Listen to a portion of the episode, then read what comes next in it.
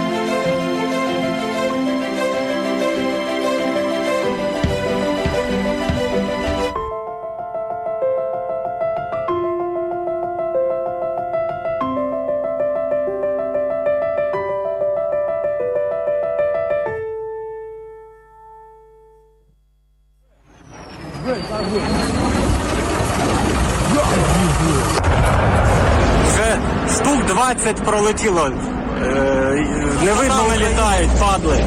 Полетіли в сторону е, аеропорта.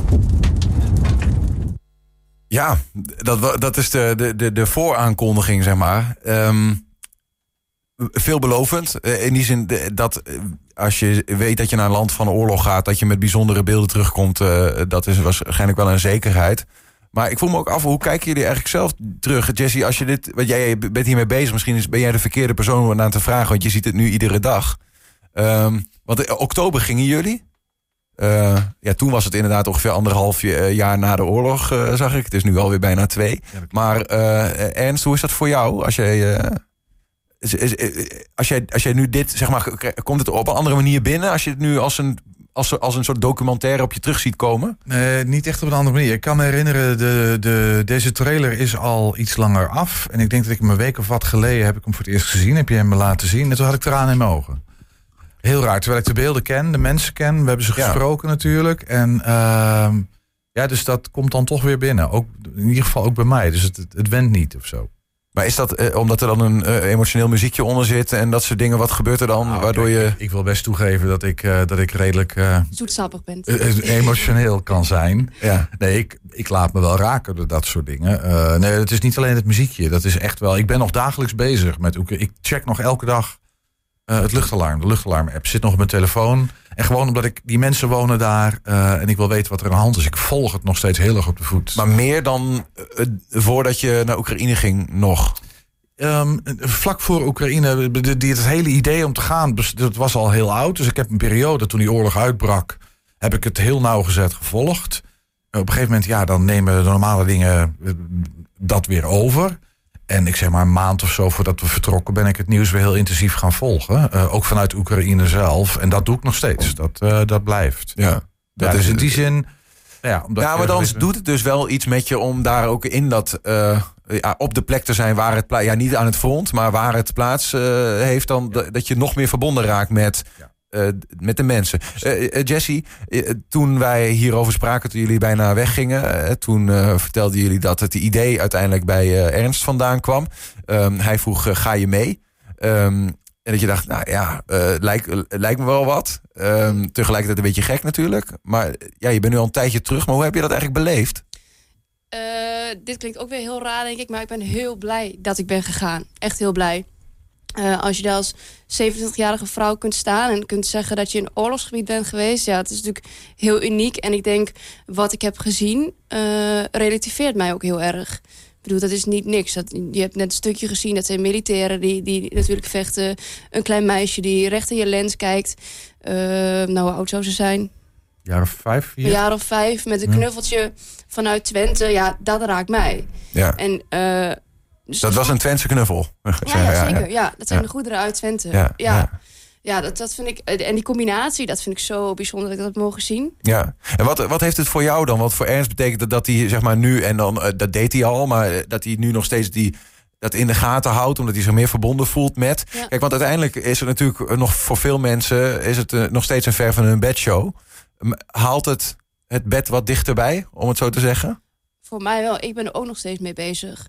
Ja, absoluut. Laatst waren er ook weer aanvallen in de gebieden waar wij waren geweest. Volgens mij hebben we geluk gehad of zo, ik weet het niet. Maar dat raakt mij wel. En we denken, ik, ja, jij ook, ik spreek over we.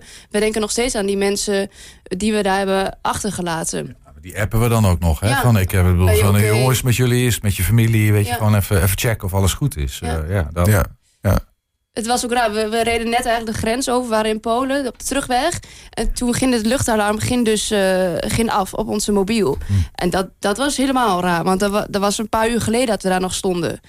En die mensen, dat, dat denk je toch het allereerst aan. Ja, ja. ja. het is ook wel, de situatie is niet veel beter geworden hè, nadat jullie weggingen, wat dat betreft. Nee, er verandert feitelijk niet zo heel veel. Eh, De, alles wat in puin geschoten is, ligt nog steeds in puin. De, hier en daar een, een plank en een balk en een halve muur weer eh, opgebouwd. Maar dat gaat heel mondjesmaat. Er is natuurlijk gewoon geen geld voor. Alle, de economie draait om, om, om, om het hoofd boven water houden. maar ik bedoel ook de dreiging, als je dat zo eh, begrijpt. dat Rusland zegt, we, de, de druk op Kiev wordt groter. Ehm, eh, het, eh, pro- proberen toch misschien, misschien nog wat te halen om het moraal te breken. Ja, dat is, dat was ontwikkelingen verwacht, in, in Amerika hebben daar er misschien ook nog wel weer mee te maken. Ja, maar het was ook verwacht dat in de, in de vorige winter ook gebeurd dat, er, dat, dat Rusland natuurlijk vrij massaal ehm, aanvallen heeft gepleegd op allerlei Russische of Oekraïnse steden. Eh, infrastructuur, elektriciteitscentrales, maar ook heel veel burgerdoelen. Dat dat dit jaar weer zou gebeuren. Dus Ja. deze winter waar we nu in zitten, dat was wel verwacht. Ehm, maar hier en daar zijn het wel hele, hele massale aanvallen de afgelopen periode. zeg, Met ehm, tientallen raketten en, en, en, en, en meer drones en zo. Dus, Ja. eh, ja. Dat heeft natuurlijk alles te maken met, eh, met het ver- verhaal dat jullie hebben gemaakt. Want ja, dat is de oorlog die daar woedt. Aan de andere kant, het verhaal dat jullie hebben gemaakt gaat ook echt over nou, het spoor van die Twentse hulpgoederen. die ooit in Denenkamp eh, eh, vertrokken. En dat, dat een x aantal keren al hebben gedaan.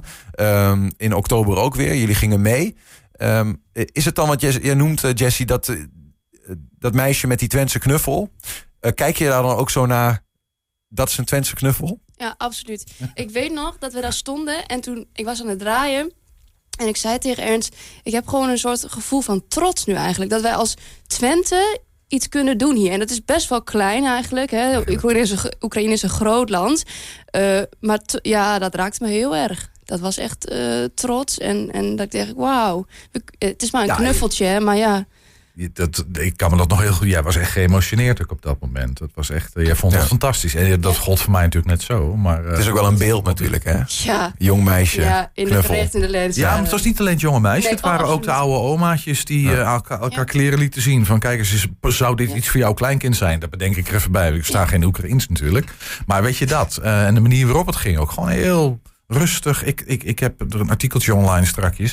Maar ik, eh, als je de, de, de drie dwaze dagen bij de Bijenkorf hier is een veel er grotere chaos. Dat is één grote Ja, puinhoop. bij de afhaal van die spullen. Dat is zeg maar. verschrikkelijk. Weet je, dan valt iedereen over elkaar heen en slaat elkaar bij de rekken weg zo ongeveer. Ja. Nou, hier ging het heel vredig en gemoedelijk. En, Oh, ik dacht eh, dat het hier zo ging. Nee, nee, ja, nee, ja. nee, oké. ja, nee, bij hier. Het, nee, in, In- Oekraïne. was het heel rustig. Rustig. die mensen hebben dus echt niks. Hè? Ja, ja, die die ja. komen daar niet uit luxe. Ja.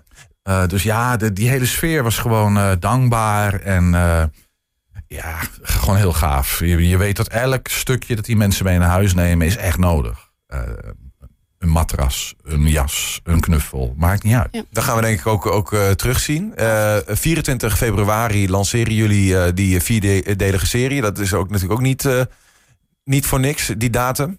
Eh, we zagen het ook even, dat is twee jaar nadat die oorlog eh, uitbrak. Maar wat, wat gaan we ongeveer zien, eh Jessie? Eh, nou, we hadden natuurlijk heel veel beeldmateriaal. Dus we dachten, nou ja, hoe gaan we dit mooi wegzetten? Dat was dus een vier, eh, vierdelige serie. En dat, eh, in die serie zie je bepaalde aspecten. Dus het eerste deel gaat over de echte Twentse goederen die gebracht zijn. Dus daarin kun je dus volgen hoe zijn ze daar gekomen. wie krijgen ze. We zijn, nou, de rest moet misschien ook niet verklappen. Gewoon lekker kijken. Er is een deel over de scholen. Hoe die omgaan eh, in oorlog.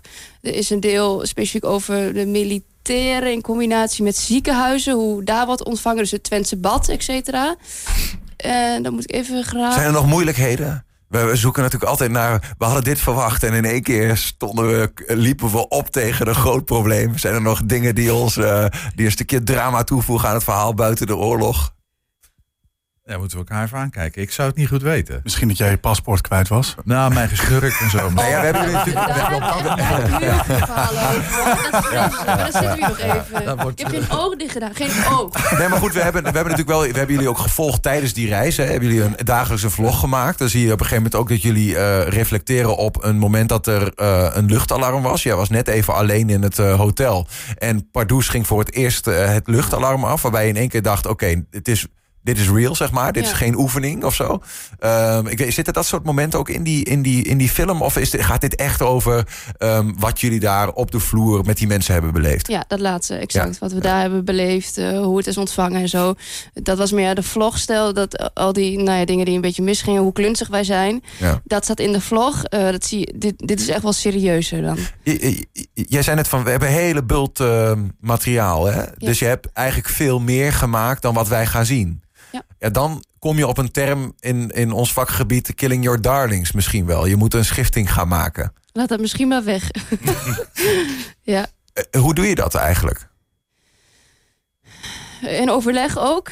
Eh, en echt eh, soms met pijn in het hart ook. Ja, echt weggooien. Ja, Ja, je, die- je die- kunt niet alles meenemen. Dat thematiseren helpt al. Hè? Dus dat Ja. je het gewoon afbakent van ja, we willen het hierover hebben. En heb je een aantal verhaalelementen nodig. Ehm, en en da- da- dan kies je de sterkste uit het materiaal dat je hebt om dat verhaal te vertellen. Ja. Eigenlijk is dat het. En dan dat levert vanzelf, nou ja, wat zal het zijn per aflevering? 20 eh, minuten, een half uur op of zo. Ja. En dan heb je het verhaal wel ongeveer verteld. Van dit zijn de goederen, zijn vertrokken, zijn daar uitgepakt, zijn opgehaald door mensen, eh, gesprekjes.